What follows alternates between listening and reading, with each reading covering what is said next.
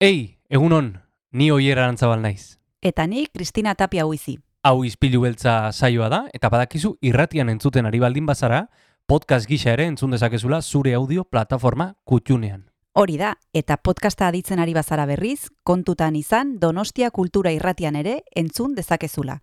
FM eundazazpi puntu lau frekuentzian. Sare sozialetan ere topatuko gaituzu noski, izpilu beltza bilatuta, Instagram, Facebook eta Twitterren. Besterik gabe, guazen gaurko saioarekin. Az gaitezen,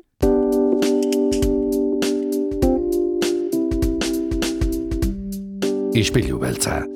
Donostiako kulturaren berri, Oyer Arantzabal eta Kristina Tapia buizirekin. Egun honen zule, astelena da, otxailako gaita zazpiditu, eta bagatoz, izpilu beltzera, Donostia Kultura irratian.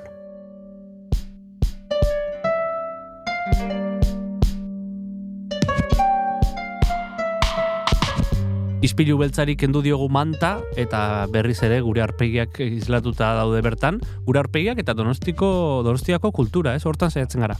Donostiako kultura bai, eta guk gaur gonbidatu berezi bat ekarri dugu, badekizue Charlie Maestrek bestekide batzuekin batera antolatzen duela Euskal Metal Fest izena duen jaialdia, mabigarren edizioa izango dute aurten, martxoaren amaikean ospatuko dute larratxon, eta kontatuko digu, ba, besteak beste, i, talde batzuk etorriko direla oso garrantzitsuak, e, Brainstorm, Alemaniatik, De Leon Gasteizetik, eta Evil Hunter, eta Guadaina e, Kadiz ingurutik, e, oier, zeru izan zaizu. Bueno, nazioarteko eh, eskaintza eh, Metal Festen, ez? Bai. Alemania, eh, Gasteiz eta Espainia aldetik Bai. ere bai, Andaluzia aldetik.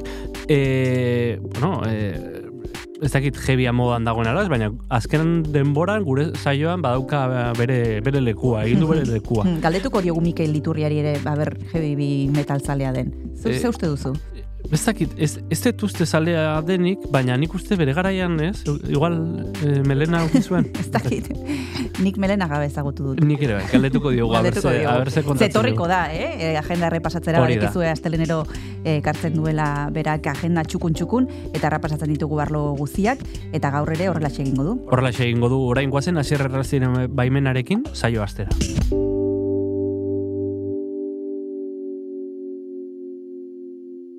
Egun honen zule, zer moduz joan da asteburua. Tira, e, ez dakit zui pasatzen zaizuen, baina niri astelenetan hoi baina gehiago kostatzen zaizkit e, laginak kentzea, esnatzea eta espabilatzea. Eta hain zuzen horretarako ekarri dizuet e, datorren kantua. Hain zuzen Curtis Mayfield artistaren doinu funkiak entzungo ditugu edo izango ditugu, mm, bueno, ba, baliabide moduan gaurko astelenari hasiera erritmoz eta alaitasunez emateko. Hau duzue, Move on Up.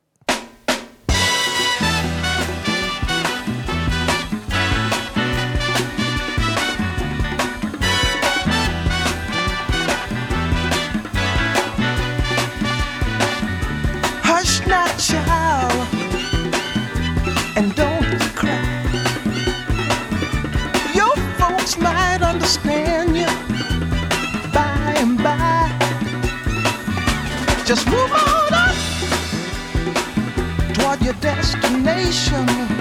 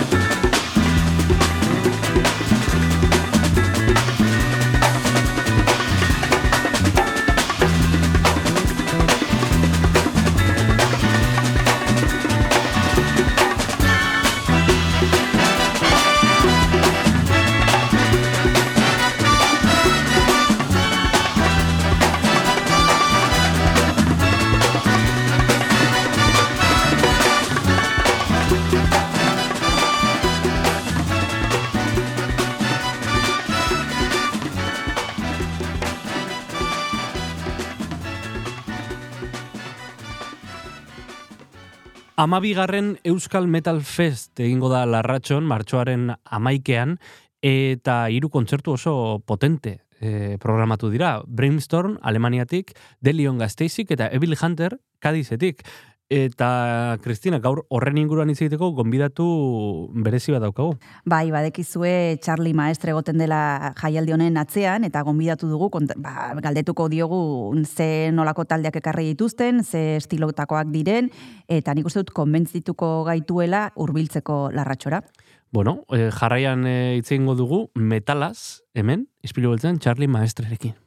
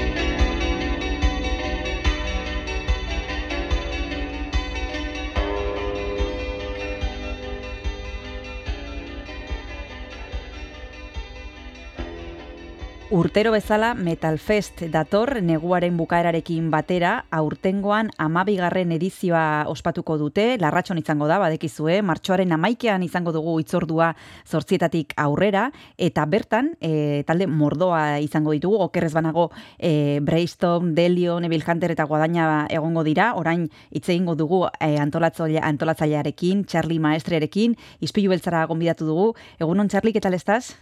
Bien, bien, bien. Bueno, lo primero de todo, eh, en, este, en esta edición del, del, Euskal Metal Fest, que como decimos cumple 12 años, nos gustaría saber qué habéis preparado para el próximo 11 de marzo. ¿Qué nos vamos a encontrar? Bueno, pues lo primero, pues unas ganas tremendas de, de por fin poder volver a hacer el, el festival sin ningún tipo de restricción, con la barra uh -huh. y con todo, porque eh, este fue el festival que se quedó en puertas justo antes del COVID que uh -huh. en ese momento venía Barón Rojo, se había vendido todo en un mes, eh, lo atrasamos a diciembre, que uh -huh. se vendió otra vez todo en 24 horas y al final pues no se pudo hacer, ¿no? Entonces, uh -huh. pues muchísimas ganas de, de, de realizarlo, ¿no? Y luego, bueno, pues presentamos, yo creo que es el mejor cartel de Power Metal que, que, que se ha hecho en la Racho desde aquella edición que hicimos de las bandas italianas, pues eh, ya que traemos... Eh, Eh, de cabeza de cartel a los alemanes Brainstorm, una banda muy querida aquí, que si no recuerdo mal, hace 12, 13 años, que fue la, la última y única vez que tocaron aquí en Donosti, fue la Heavy Jaya y si no recuerdo mal, fue la primera banda que vendió todo en la Heavy Jaya, o sea que vamos, que, que es una banda muy muy potente. Eh, luego viene acompañándoles desde Gasteiz de, de Leon, que es la banda Sí. que, que está en toda en toda la gira y demás con ellos. Eh, es una banda que justo saca ahora nuevo disco y demás y lo presentará allí. Y luego, pues bueno, para empezar la noche, posiblemente la, la banda más conocida de Andalucía, que son Guadaña, eh, que ya tienen 10 años de historia y varios discos. Y de segundo, pues un, un plato también muy fuerte, que es un Evil Hunter, que no han tocado nunca en Euskal Herria. Eh, es un- una banda de power metal de proyección internacional, eh, que ya tiene dos discos y en el cual, pues sobre todo destaca eh, su guitarrista principal, José Rubio, que, que ha tocado en bandas como Warcry, como Mago de Oz y demás. Bueno, un cartel de lo más interesante. Nos has mm, descrito brevemente eh, cada uno de ellos. Nos vamos a tomar un descanso eh, y para eso te voy a pedir que me propongas una canción de alguno de estos grupos. Charlie, ¿qué podemos escuchar? ¿Qué te apetece? Eh, pues podemos poner alguna de, de Brainstorm para empezar. Perfecto, vamos con ellos.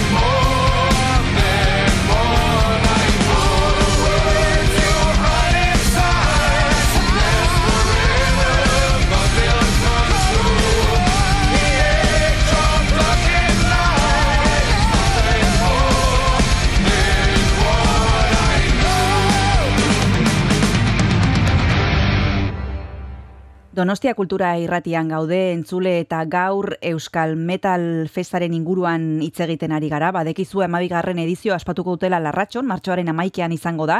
Aurten e, beti bezala izango da eta horren inguruan hitz egiten ari gara bere antolatzailearekin, Charlie Maestrerekin, Nos has descrito brevemente eh, los grupos que, habéis traído a esta edición que, como decíais, eh, teníais muchísimas ganas porque va a ser la primera después de la pandemia, pues con, todas las de la ley, ¿eh? como, como, era, como eran antes. Eh, ¿Ha habido alguna dificultad en la organización de, este, de, este, de esta edición? Porque anteriormente hemos hablado eh, justo en, las, en la que hiciste el año pasado, que era justo después de la pandemia. Bueno, no, estábamos todavía ahí con restricciones, bueno, con muchísimas cortapisas todavía en esta, ¿ha habido algún problema a la hora de organizarlo o ha sido como siempre, los problemas habituales? Eh, esta, concretamente esta, pues los problemas habituales. Lo que pasa uh -huh. que este, este cartel en concreto, pues viene coleando desde hace casi dos años. Yeah, porque yeah. Brainstorm, eh, por, por fechas de su gira, los íbamos a haber traído en la Zombie High al día de otoño del 2021. O sea que desde entonces hemos ido cambiando, adaptando a las fechas que pudiera la banda principal y al final pues hemos tenido que cambiar a otro de nuestros festivales de los tres que organizamos allí. Esto que, la, que los grupos hayan tenido que ir adaptándose a, la, a las fechas y vosotros también adaptando, a, adaptándose a las fechas de los grupos, ¿qué ha implicado? Eh, me pregunto si, por ejemplo, eh, un grupo saca disco pero ha coincidido con la pandemia y después ya viene el siguiente, después en los conciertos, ¿cómo hacen? ¿Intentan recuperar lo anterior o cómo, cómo se están organizando? No sé si hay como un poco, un poco de tapón. Bueno, pues ha, ha, sido un poco un sin vivir durante estos años de, de decir, bueno, nos quedamos cruzados de brazos o hacemos algo. Y entonces, eh, después de, de, un tiempo, pues eh, nosotros decidimos hacer algo y hemos ido pues montando bueno, cosas increíbles. O sea, festivales de, de metal sentados, con mascarilla. Mm, sí, sí. Eh, luego, luego de pie con mascarilla pero sin barra, bueno, yeah. de todo, vamos. Yeah, y ahora, yeah. pues claro, este esta temporada 2022-23 pues está siendo una locura, porque está eh, la gente que sacó el disco durante esa época, gente que lleva, pues eso, casi tres años sin tocar, gente que saca disco ahora, o sea, hay una saturación brutal, vamos. Ya, ya. Eh, a la hora de organizar eh, los conciertos sin tener en cuenta lo que ha supuesto la pandemia y lo que eso ha tenido de consecuencias a la hora de programar, Charlie, ¿vosotros en qué os fijáis eh, para atraer o no traer a, un grupo? ¿Cuáles son los criterios que tenéis para, bueno, para pensar en qué, opciones pueden ser las más interesantes? Hombre, bueno, lo primero que, nos guste la banda, ¿no? Y luego, pues bueno, estudias realmente cómo puede funcionar la banda en esta zona, eh, lo tanteas, ver, ver si la gira, eh, digamos, pues eh, las otras fechas que hay de la, de la gira eh, son lejanas para que así, no, no solo porque nosotros en los conciertos la verdad es que de Donosti viene gente, pero el 50% más son de, de, fuera de Donosti Aldea, ah. e incluso fuera de Euskadi, pues bueno, suele venir habitualmente gente de Barcelona, Palencia, Valladolid y demás. Mm. Uh -huh. O sea que pues, tenéis en cuenta también un poco los gustos del público, lo que, lo que a ellos les podría interesar también, o un poco los vuestros sobre todo. Es, es, un poco una mezcla de todo, evidentemente donde más, más tiras es un poco a lo que crees que, que puede funcionar en esta zona, porque eh, a veces eh, un grupo que funciona aquí pues no funciona bien en la zona de Madrid y demás, ¿no? Yeah, yeah. Nosotros, por suerte, ha sido una pena eh, la pandemia porque eh, los 12 últimos festivales antes del COVID, tanto lo que organizo yo como lo que organiza la Heavy Jaya o Metal Norte, sí, sí. Eh, habíamos conseguido ya que la gente venía habitualmente, prácticamente trajéramos a quien trajéramos, porque de yeah. esos 12, si mal no recuerdo, 8 o 9 fueron todo vendido y los otros dos o tres se quedaron 85 90% de ventas, ¿sabes? Yeah, yeah. Ahora Sí que es verdad que se han hecho desde entonces dos, que fue Metal Norte y nosotros hicimos hace unas semanas el Gabonac, y a, mm, a, la gente le cuesta. Ahora tenemos que volver a recuperar a la gente Eh, se nota también en la barra que a la gente mm, poco a poco ya va funcionando más la barra, pero a la gente le cuesta ir hasta la barra, ¿sabes? Ya, ya. Ahora mismo vamos a hablar de esto, Charlie, que me comentas que es algo interesante y que no solo me comentas tú, ha salido en más ocasiones con otros promotores el hecho de, de que tal vez se estén cambiando los hábitos. Te voy a preguntar con respecto a eso. Nos vamos a Mm. tomar el segundo descanso antes. Eh, Vale. Nos has propuesto antes una canción de Brainstorm, no sé qué te apetece ahora. Pues ahora una de Bill Hunter. Venga, vamos a escucharles.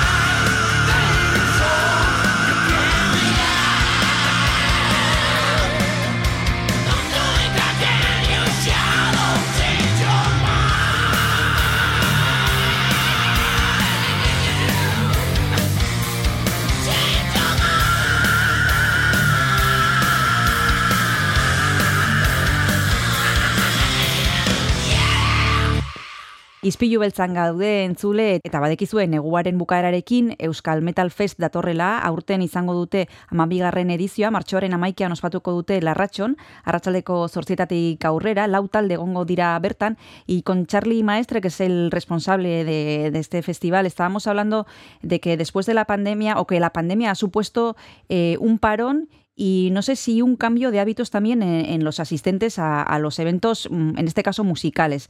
Eh, aquí hemos hablado con responsables de, de, de, otros, de otros eventos y nos han contado que, uno, eh, a la gente le cuesta más, más, ir y dos, que se han adelantado los horarios. No sé si a ti te parece eso, que está ocurriendo eso, también estás de acuerdo.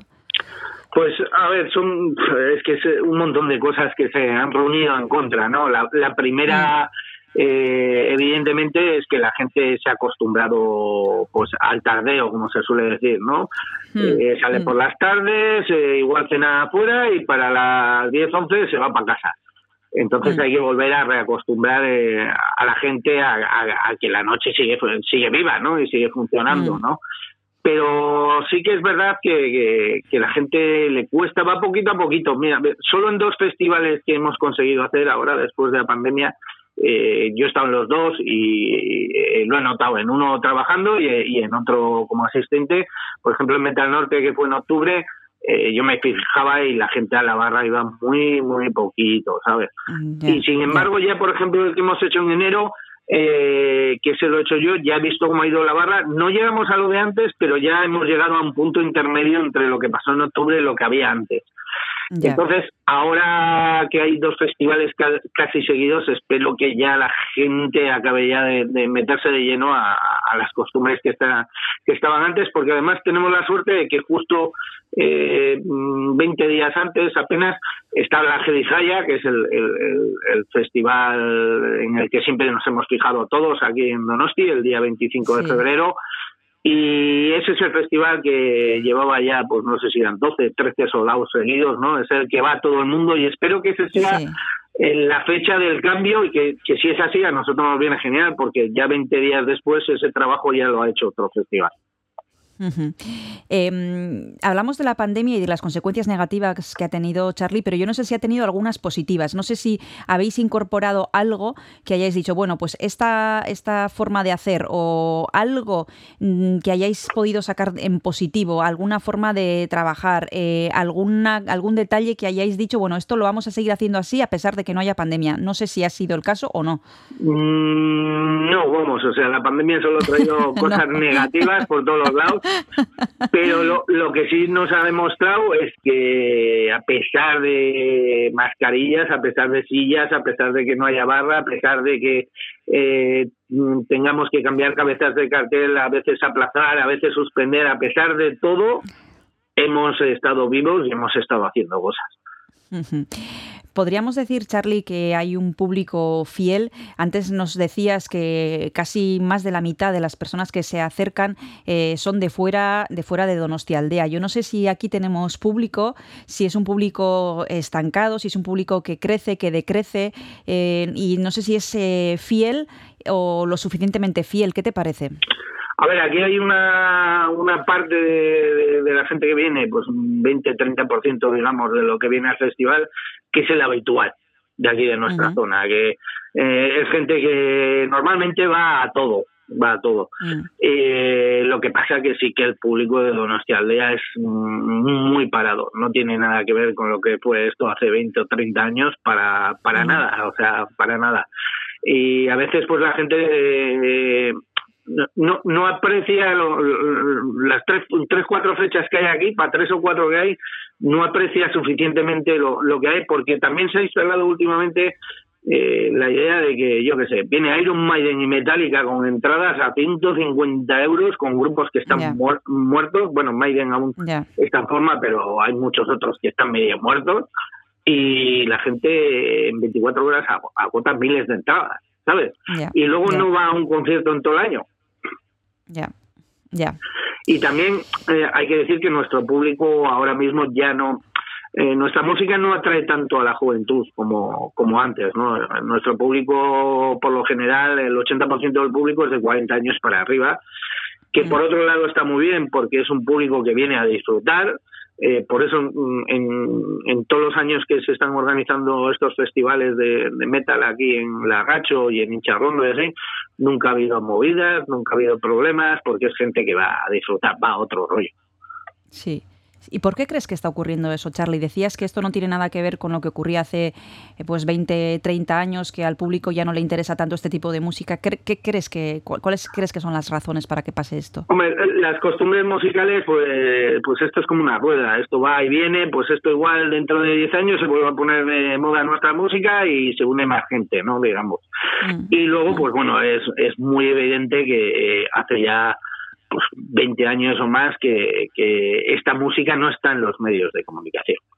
Eh, por ejemplo, Euskadi Gastea cuando nació, nació con su tagar y todos los grupos que salieron luego de metal en euskera lo apoyaron a muerte y estaba arriba, vamos, estaba Mm. arriba. Luego dejó de apoyarlo y ahora mismo es que es que no estamos prácticamente en ningún medio de comunicación.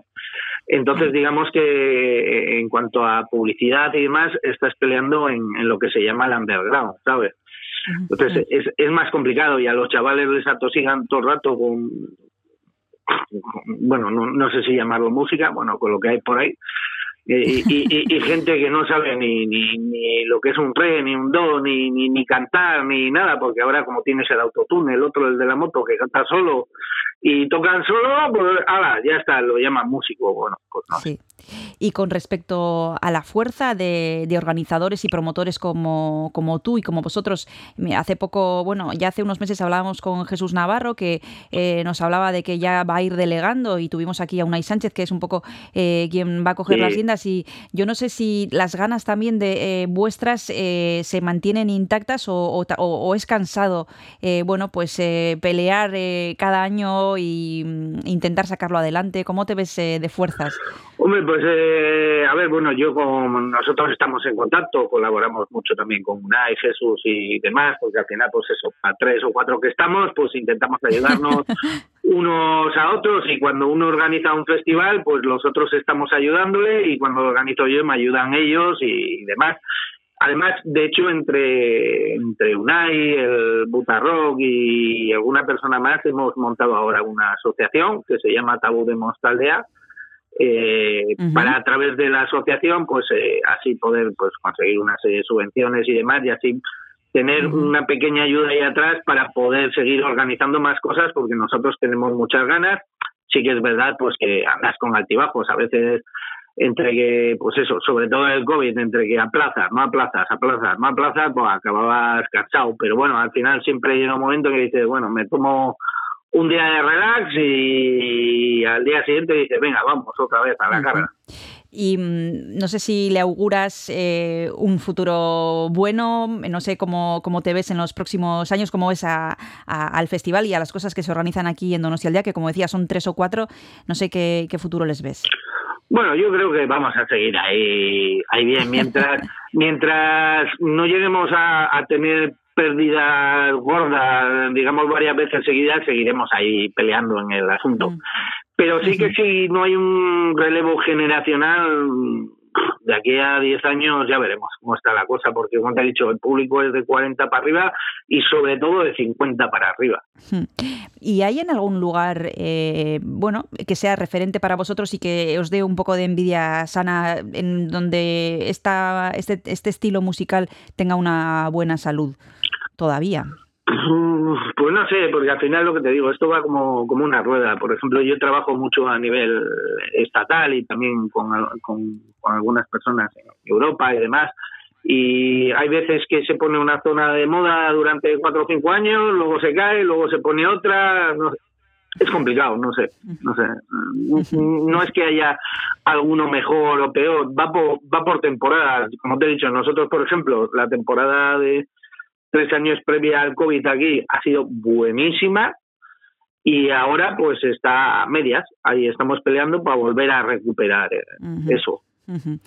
Bueno, vamos a ir terminando eh, con la entrevista a Charlie Maestre, el organizador de, este festival que, como hemos dicho, se celebrará el próximo 11 de marzo. Pero una, una última pregunta, Charlie. ¿Cómo animamos a quienes nos estén escuchando a que se acerquen, si es que nunca han ido a, a Euskal Metal Fest? Eh, ¿Qué les dirías para que prueben y se animen? Bueno, pues sobre todo si te gusta el heavy metal clásico, power metal, eh, no te lo puedes perder porque el nivel de las cuatro bandas es brutal. El precio de la entrada es, es regalado, es de risa para el nivel que hay. Eh, uh -huh. y, y, el ambiente, bueno, toda la gente que ha venido aquí siempre se ha ido súper contenta porque la sala eh, se puede ver perfectamente desde cualquier punto de la sala, eh, suena genial la sala, eh, la barra tenemos precios populares y, y, sobre todo el ambiente. La gente, mira, el que hicimos hace tres semanitas, el Gabona Kenshell, había gente que no había venido nunca y demás y la verdad se fueron todos contentísimos, nos felicitaron porque el, se lo pasaron genial, lo que te digo, el nivel de las bandas le, les encantó y el precio de las barras es asequible, uh -huh. no es como en otras uh -huh. salas que yo qué sé, pues, pues nosotros por ejemplo una caña la tenemos a 2.20 y en cualquier sí. otra sala de 3.50 no baja. Uh -huh. Bueno, pues esas todas son, eh, bueno, esos todos son los alicientes que, que, tenemos para poder acercarnos a Euskal Metal Fest, que se va a celebrar, como hemos dicho, en La Racho el próximo 11 de marzo, sábado, a partir de las 8 de la tarde, cuatro grupos. Tendremos la ocasión de disfrutar. Muchísimas gracias, Charlie Maestre, por haberte acercado a nuestro programa. Un abrazo muy grande y hasta la próxima. Gracias a vosotros.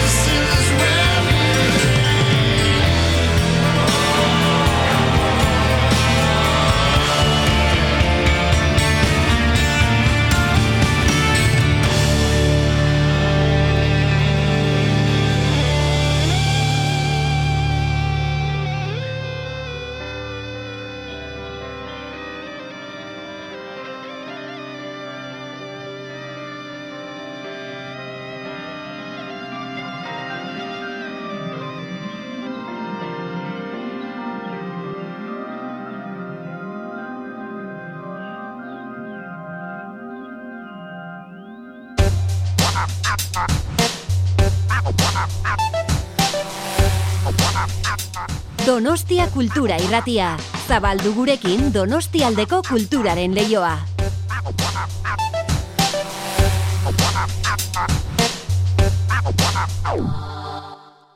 Astelena da entzule eta badekizu astelenetan agenda errepasatzen dugu, hemen gauza batzuk aipatzen ditugu, ez dugu tarterik denak e, komentatzeko, eta horretarako gonbidatzen dugu Mikel Iturria, bera Donostia Kulturako langilea da.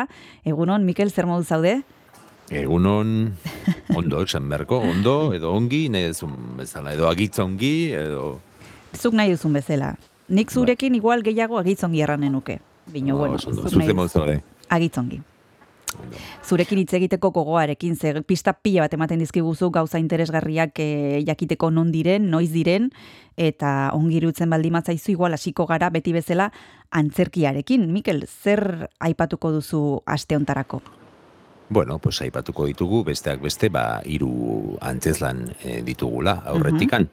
Lehena antzeslan amaterra da, ostiralean, martxoaren iruan, ja martxoan sartuko gea, Bai.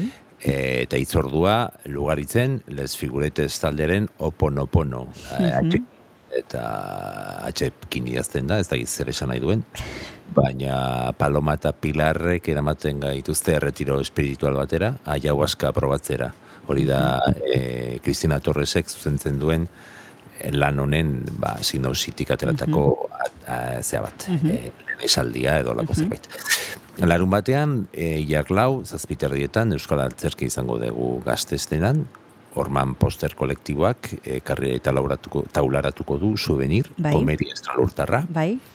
Hiru pertsona e, espazioko ametsez e, beterik edo, eta B planeta baten aurkikuntza, eta bueno, pues, e, olako e, beste estralurtarren artean ibiliko gara, gara, eta uste dut bihar norbait izango dugula irratsaioan honi buruz solasean aritzeko, Kristina? Hori da, Mikel, bai, e, maita izpurua etorriko da gurera eta antzeslanari buruz arituko gara berarekin solasean. Oso elkarrizketa polita izan dugu, esplikatu digu e, nola sortu zen proiektu hau eta ze asmo dituzten, badekizue Orman Poster kolektiboak Antigonerekin irabazi zuela Donostia antzerkia saria iaz, eta bueno, hor badabiltza gauza interesgarriak egiten, eta berarekin izango dugu elkarrizketa oso polita. Eta antzerkiarekin jarraituz, Mikel, larun batean, bi emanaldi Antion Telleriak antzoki zarrean. Bai, larun batean, martxoak lau, seiterrietan eta behatzietan, antzoki Mhm. zaharrean, Mhm, nekatutak antzeslana taularatuko du, bakarrizketa da, Bai. eta esan beharra dago, azkar samar duzitula beriak eh, mila sarrera inguru, Wow. kobratu behar, antzokiak ja bostun laguntzako tokia duela, eta eta erza ez, eta e, bueno, bakizue, e, barreak bermatuta daudela, eta ba, Kristina atua nasa. Ados, arnasa edo anasa edo hartu eta jarraitu dezagun aurrera. Aipatu ditugu hiru antzeslan Mikel eta orain musikaren txanda. Ze kontzertu azpimarratuko dituzu? Bueno, hainbat emanaldi aipatuko ditugu, lehenik eta bito ostegunean, e, Vittorio Eugenio Antzokian, Batura zikloa, aurten e, hirugarren zikloa da, Batura, e, emakumea eta euskal musika buruzkoa da, eta pianista bat etorriko da, Konstantin Zukobeski, o Subjobeski, ez dakit nola esaten den, e, Emiliana Ezubeldia, Pascual Aldabe, Tchaikovsky eta Straussen lanak e, joko ditu pianoan, esan bezala. E, aurten aldatu egin da gure ahotsak programaren formatua Bai. eta kontzertu bakarra izatetik bost kontzertu dituen egitaraua osatu da. Bai? Eta, bueno, ba, programa aurten martxoaren iruan hasiko da, Natalia Lakuntzarekin, lauan Ola Salvador egongo da, bostean, igandean, zazpietan, La Bien Querida, gainerako emanaldiak zazpiterdietan izango dira, Astelenean, martxoak sei maite larburu trio formatuan e, aritsuko da Victoria Eugenia Club aretoan, eta bukatzeko martxoaren zazpian neomak e, ekimena iragartzeko kartela ba, Paula Estebezek egin du, eta, bueno, badakit hauetako batzuk pasako direla irratsoiotik astean zehar, ez da? Bai, e, izan ere, denak Natalia Lakuntza izan ezik, e, Olatz Salvador izango dugu ostegunean, datorren astean Maite Larburu, eta gero Neomak taldeko garazio eta egi, labien querida izan genuen, e, eta esan bezala, iaia denak lortu ditugu ispilu beltzara ekartzea. Osa, que oso elkarrizketa politak izango ditugu beraiekin, baina musikan gauza gehiago daude, gura hotxak baino gauza gehiago. Zein azpimarratuko dituzu orain, Mikel? Ba, beste bat, beste emanaldi bat, martxoaren lauan, larun batean, bertso aroari dagokion emanaldia, larretxo kulturre hoitxean, altzan, e, juntzeko zazpietan. Uh -huh.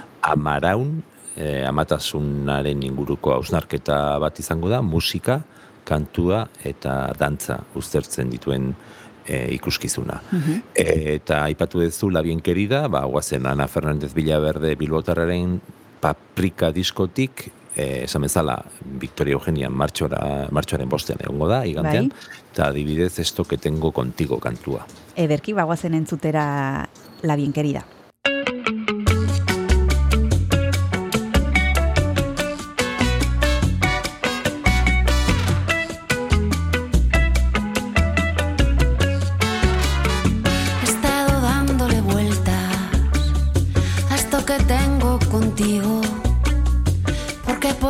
que lo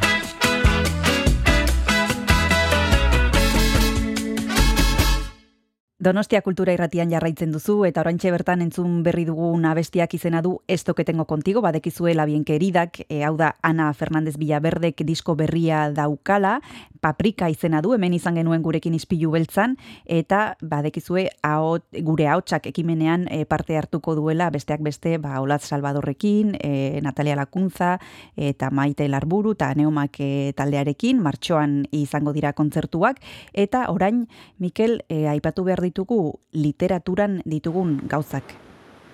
Bai, hiru literatur solasaldi ditugu, bihar lehenengoa izango da, mm -hmm. otxailako goita zortzi, aste artea, zazpietan, San Jeronimon, Nuria Labariren El último hombre blanco liburua zarituko dira, eh, Amaia Garzia gidatzen duen gaztelaniazko solasaldian.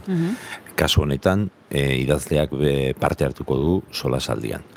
Gero, asteazkenean, martxoak bat, zientzia fikziozko literatur solasaldia gia kulturetxean, zazpietan, Elia Barceloren eh, Consecuencias Naturales, eh, gidatzailea Juan Luis Díaz. Azkenik, ostegunean, martxoak bi, zeiterrietan, aiete kulturetxean, Heinrich Mannen, profesor Unrat, lantxabe auzotorren elkarterekin batera antolatutako gaztelaniazko solasaldia da, eta dinamintzatzaile lanetan aritzen da Lola Arrieta. Ongi da, Mikel, hau hiru literatur solasaldi hauen berri eman ondoren, begiratu ezagun ze daukagun erakusketen atalean. Oso ondo, bagoazen erakusketerekin, erakusketekin lotutako jarduera batzuk aipatzera. Asteazkenean, Santelmo Museoan, La Escala del Museo, ba, Iratxe Jaio eta Klasban Gorkun artistek bidaia pertsonala aurkeztu dute Santelmo Museoaren bildumako mapetan zehar, museo bikoitza programat, eh, programaren baitan, ba, paperezko imperio baten atlasa izeneko lana edo diseinatu dute. Eta hauek ikusteko gainera bibiz eta giratu ditugu. Martxoaren bian, ostegunean, eguerdiko amagietan euskaraz izango da, atxa- atxaldeko posterdietan gaztelaniaz. Asteazkenean bertan, eh, erakusketa bat zabalduko daukendo kulturetxean, ikusgai egongo dana, pilaren emeretzira arte, Bai? Elisabet Perdigero kontakto eh, emango du ezagutzea, gorputzen arteko komunikazioan inspiratutako, inspiratutako eh, margolan saila da, eta martxoaren iruan zazpiterritan inaugurazioa egingo da, zuzeneko musika eh, muare taldearen eskutik. Ondo. E, unean bertan, okendo kulturetxean, beste erakusketa bat, e, martxoan, martxoaren hogeita maika arte egongo dana, dolu perinatala, e, aurdunaldiko jaiotza inguruko eta jaio berrietako doluaren argazki erakusketa bada. Eta okendutik atera gabe, ostegunean, e, martxoak bi, giza eskubidean zinemaldiaren motorrak berotzeko ba, lehen erakusketaren inaugurazioa, Baiatzaren laura arte izango da ikusgai, eta bide batez esan dezagun giza eskubideen zinemaldia perilaren hogeita batetik hogeita zortzira izango dugula donostia. Erakusketaren titulua da Carmen Castillo, Txileko erbesteratua, mm eta berroita bostean jaiotako zinemagile dokumentalista eta idazlearen erbestaldearen inguruko ibilbidea da, eta memoriari historikoari buruzko dokumentalak eta liburuekin osatzen da e, erakusketa komisarioa Inma Merino da. Bestalde, larun batean, martxoak lau, eordiko amadietan, argazki liburu baten aurkezpena izango dugu Santelmo Museoan, Bai? Super Euskadi saiakera fotografikoak ibilbidea egiten du ba, izen bereko lurralde mitiko batetik barrena, eta argazkilaria Vicente Paredes da, alakantekoa, eta Euskal Herriko rock radikala, rock radikal basko edo, ezaguna gisa, ba, horren, horrekin liguratuta edo etorri zen gurera duela Mm. mar urte baino, baino gehiago. Gogoratu, ba, goela argazki liburuen bilduma bat Santeno Museoan, Gabriela Zendoia Bergaretxe bilduma, eta horren baitan da, egin da aurkezpen eh, hau, edo egingo da aurkezpen hau. Erakusketa potolo bat zabalduko da larun batean ere, martxoak lau Santelmon, ikusgai bila, e, oikainaren laura arte, Bai? e, iru hilabetez, okerrezpanago, eta e, larogeita mar berriak dira. Entsegu erakusketa bat e, montatu du, e, opresatu du nekane eranburuk, mila behatzirun larogeiko markaderen amaieran jaiotako hainbat espazio alternatiboari edo errepasoa egiten diona, ba, El Gallinero, Arteleku, Zapatari, Konsoni, eta bar, eta bar. Eta azkenik igandean, martxoak bost, e, guardiko amabietan, e, Santeno Museoaren lagunen elkarteak e, museoan bertan antolatutako hitzaldia, Bai. lotura duena, bertan ikusgai dagoen amable Arias Bambalinetan erakusketarekin, izlaria izango da Mari Carmen Alonso, Mari Carmen Alonso Pimentel, bigarren abizena, eta el teatro principal, amable entre bambalinas. Eta erakusketen bloke honi amaiera emateko, ba, guazen beste kanta bat eh, jartzea, eta Ederki. Olatz Salvadorren ahotsari gonbidatua ba, kigu Rosalen dela, eta guazen entzutera. Ederki bagoazen entzutera Olatz Salvador eta Rosalen.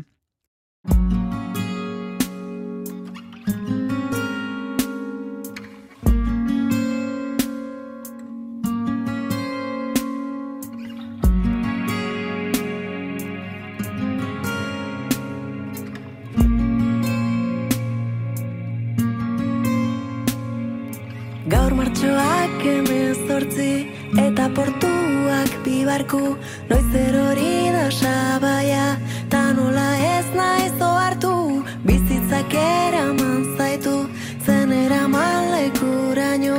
Zerua ez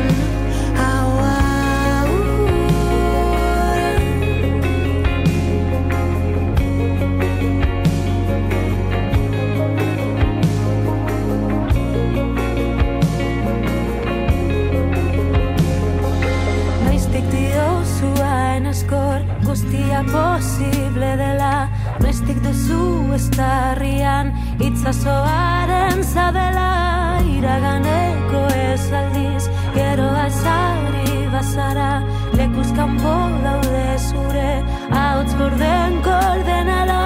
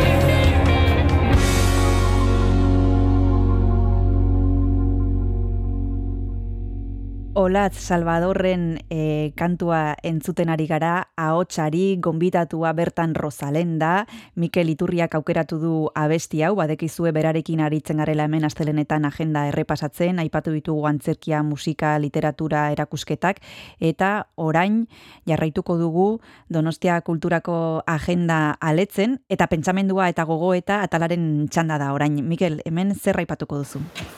Ba, ipatuko ditugu bi izaldi eta film baten proiektzioa. Mhm. Danak izango dira Santelmon, Bai. lehenengoa bihar, astiartea, hilako gita zortziz, zazpietan, Jose Abel Flores eh, Villarejo adituak eh, Ozeano, Hielo y Clima, del pasado a un presente en cambio. Ba, nabarmena da, ikertzaileek eta agentzia zientifikoek darabilten datuko puruek agerian duzten dutela, ba, gizakia kliman eragina izaten ari dela, eta hitzaldi honetan ba hainbat itsasotan barrena eh, eramango gaitu izlariak paleozeno paleo ozeanografia ez dakite eh, nola esan, baino gaizki esan, eh, paleozenografia.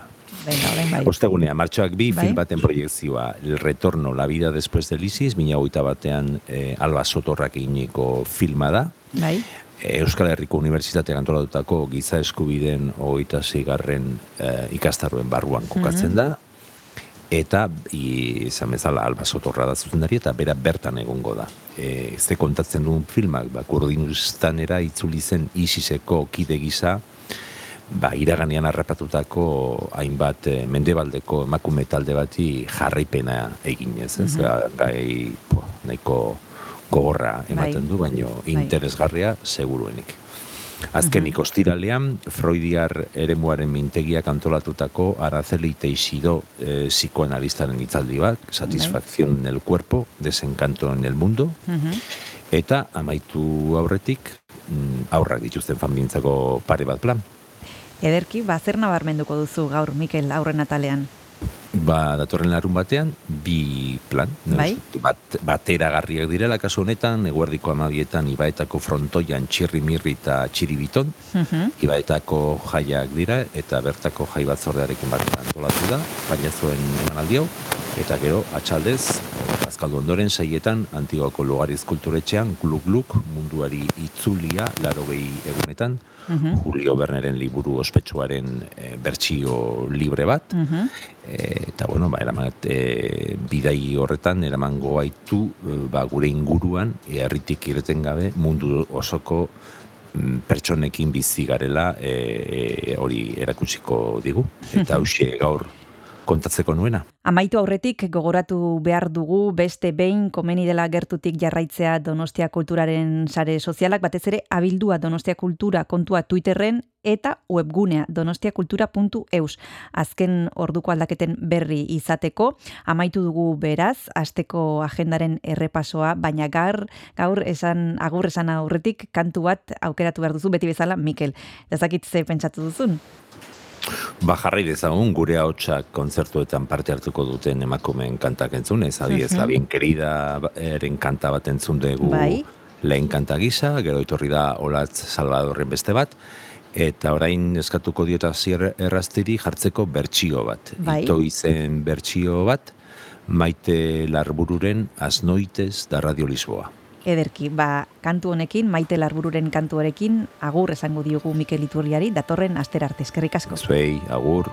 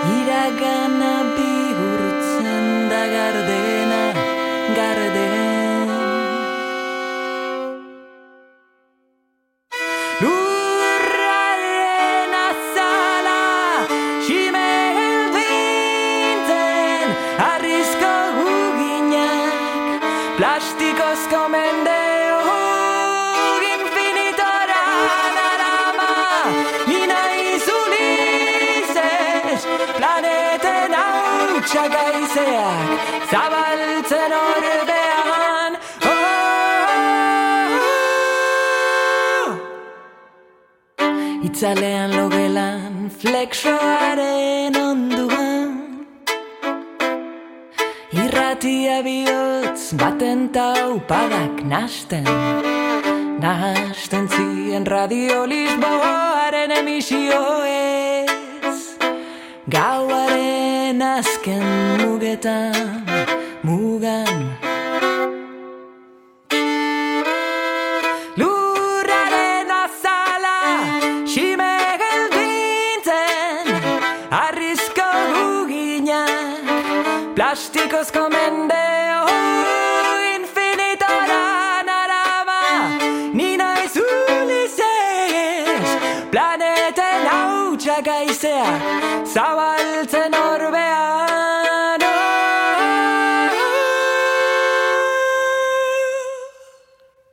Amaitu dugu astelena, amaitu dugu otxailaren hogeita zazpia, eta honen bestez eh, agur esan, eta biharko egunari begiratuko diogu, aste artea, sinema esan nahi du gurean, aste arteak, kresalako lagunak etortzen direlako, eskamak entzen atalarekin, eta horrez gain, antzerkia. Bai, antzerkia izango dugu bihar hemen izpide, souvenir komeria estralurtarra ekarriko baitute Orman Posterren, os, Orman Poster kolektiboko kideek, eta bihar maita izpurua izango dugu, eta esan bezala, gainera Pedro eh, Saldaña.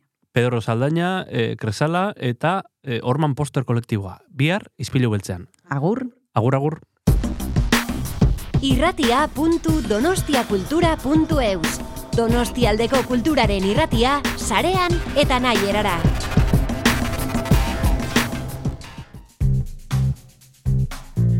Kanta katilua.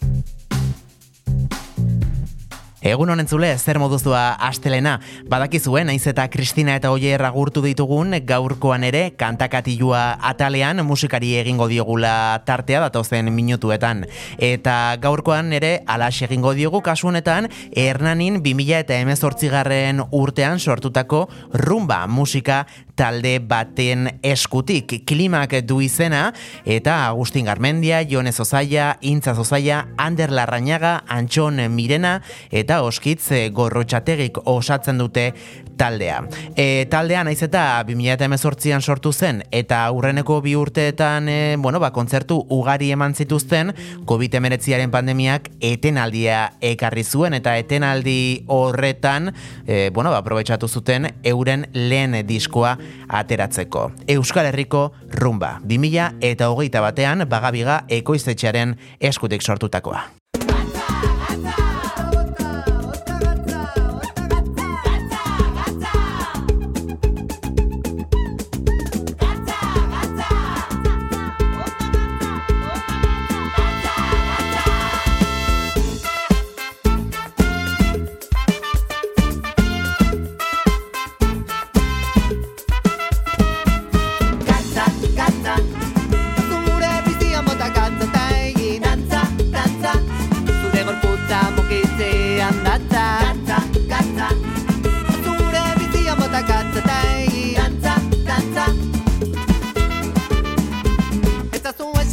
Esan ez dakizuna dantza egiten.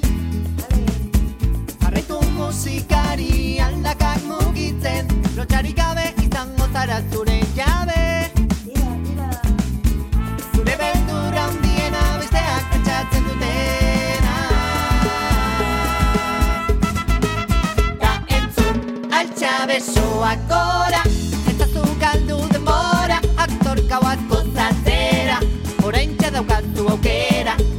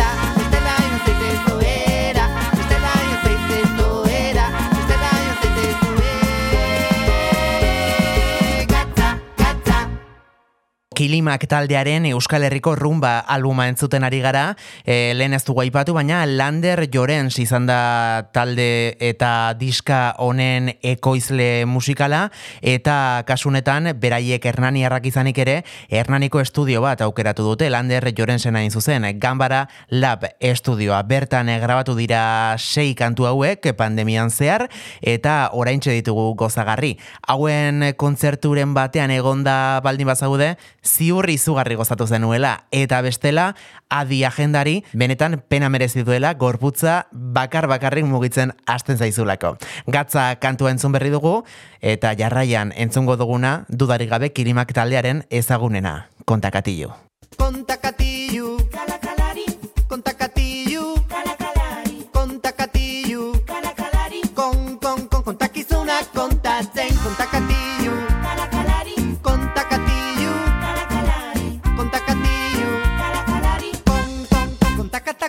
kontakataka kontakatilu Kontakataka kontakatilu Kontakataka kontata, konta, konta Kontakizuna kontatzen Kontakataka kontakatilu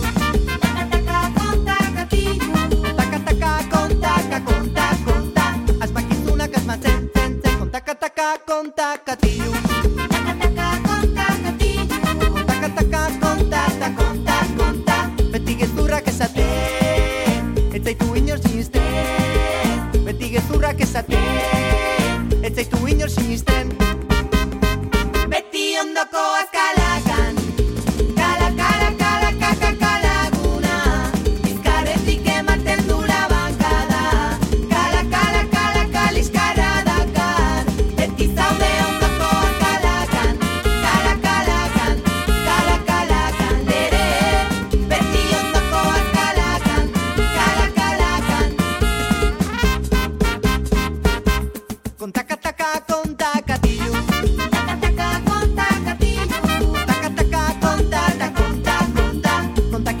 Contáctate con tacata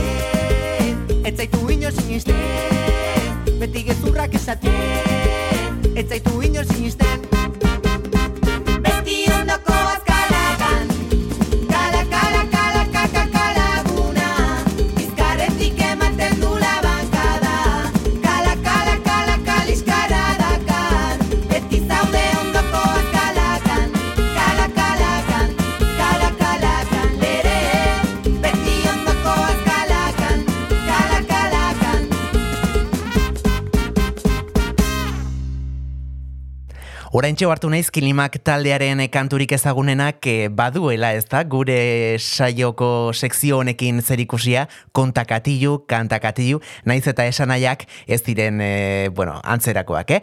Aizue, e, kontakatilu kantatik e, urrengora pasako gara, beraien albumeko hirugarren kanta ezagutzera hain zuzen, errutinaren trampa.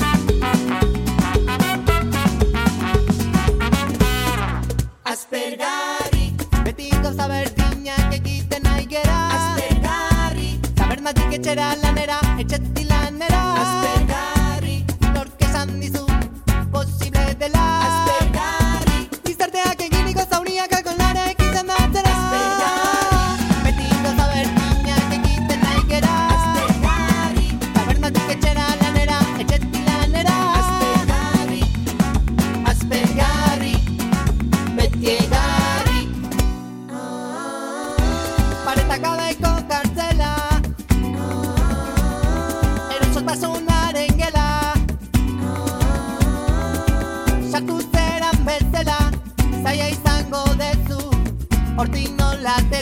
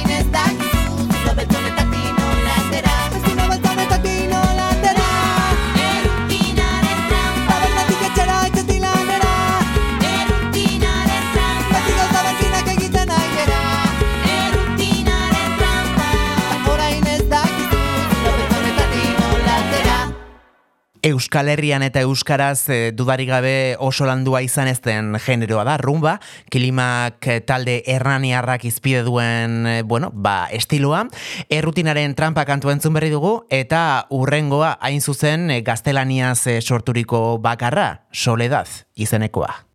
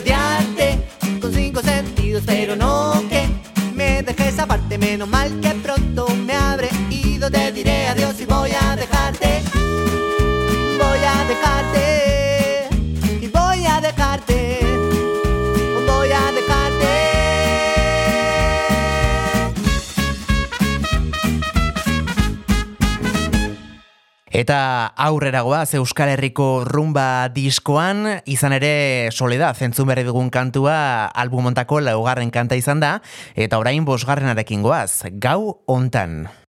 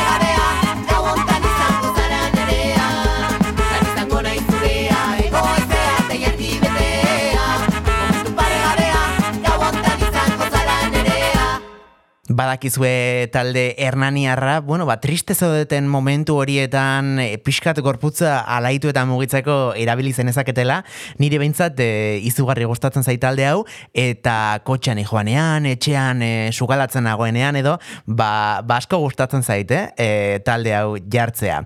Gau hontan kanta da entzun berri duguna, sei kantu osaturiko albumeko bosgarrena izan da hau, eta orain azkenarekin goaz, burrumba. Orain botatzen dut galdera. Borroka ontan gauden batera. Gure baitan dugu aukera. Guazen euskaraz mintzatzera.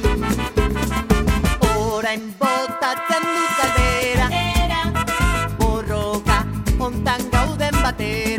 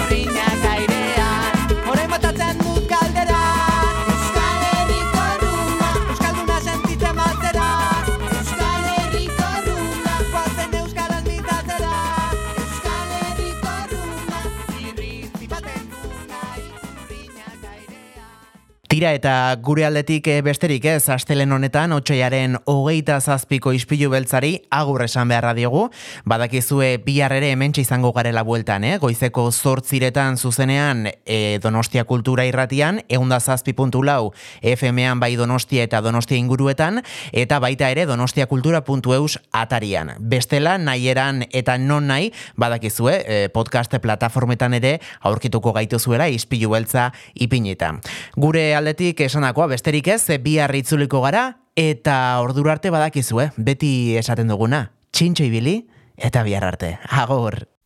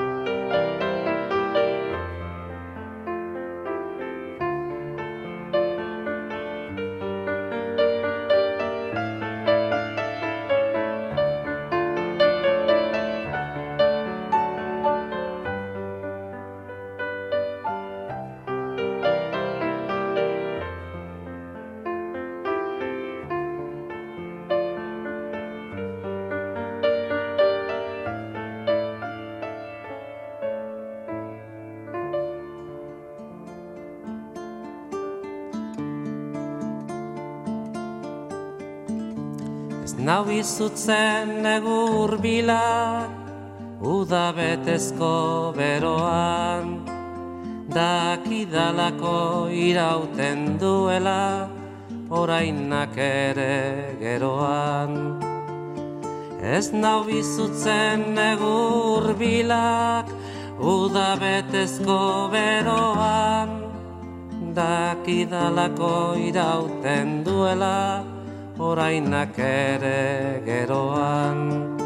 Nola baitezko kate geldian, unezuneko lerroan, guztia prezen bihurtu arte, norizanaren erroan.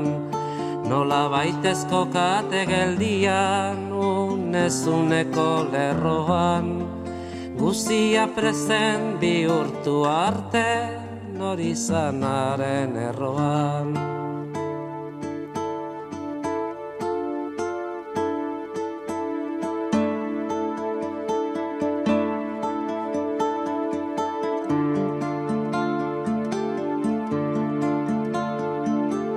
Ez nau beldurtzen egun sentian, arna zuridun izotzak, non dirudien bizirik gabe, natura zabal hilotzak. Ez nau beldurtzen egun sentian, arna zuridun izotzak, non dirudien bizirik gabe, natura zabal hilotzak. Eguzki eder joan guztien, argia baitu bihotzak, eta begien mila ernegai, iraganaren oroitzak.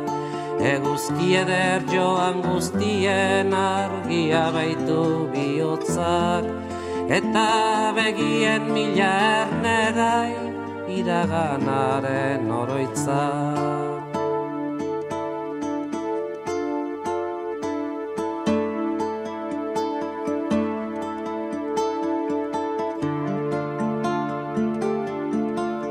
Ez nau larritzen azken orduan, arnazta galdu beharrak, bide xumea ez zitu arren, amildegiaren larrak. Ez nau larritzen azken orduan, arnazta galdu beharrak, bide xumea ez zitu arren, amildegiaren larrak. Ardo berriak onduko ditu mahaztietan haien zarrak. Gure orain arrazoiturik beste batzuen biharrak. Ardo berriak onduko ditu mahaztietan haien zarrak. Gure orain arrazoiturik beste batzuen biharrak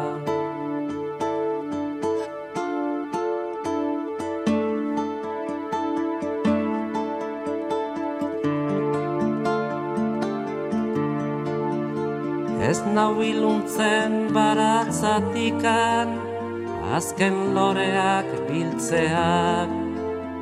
Muga guztien arrazoi bila Arnaz gabe ibiltzeak.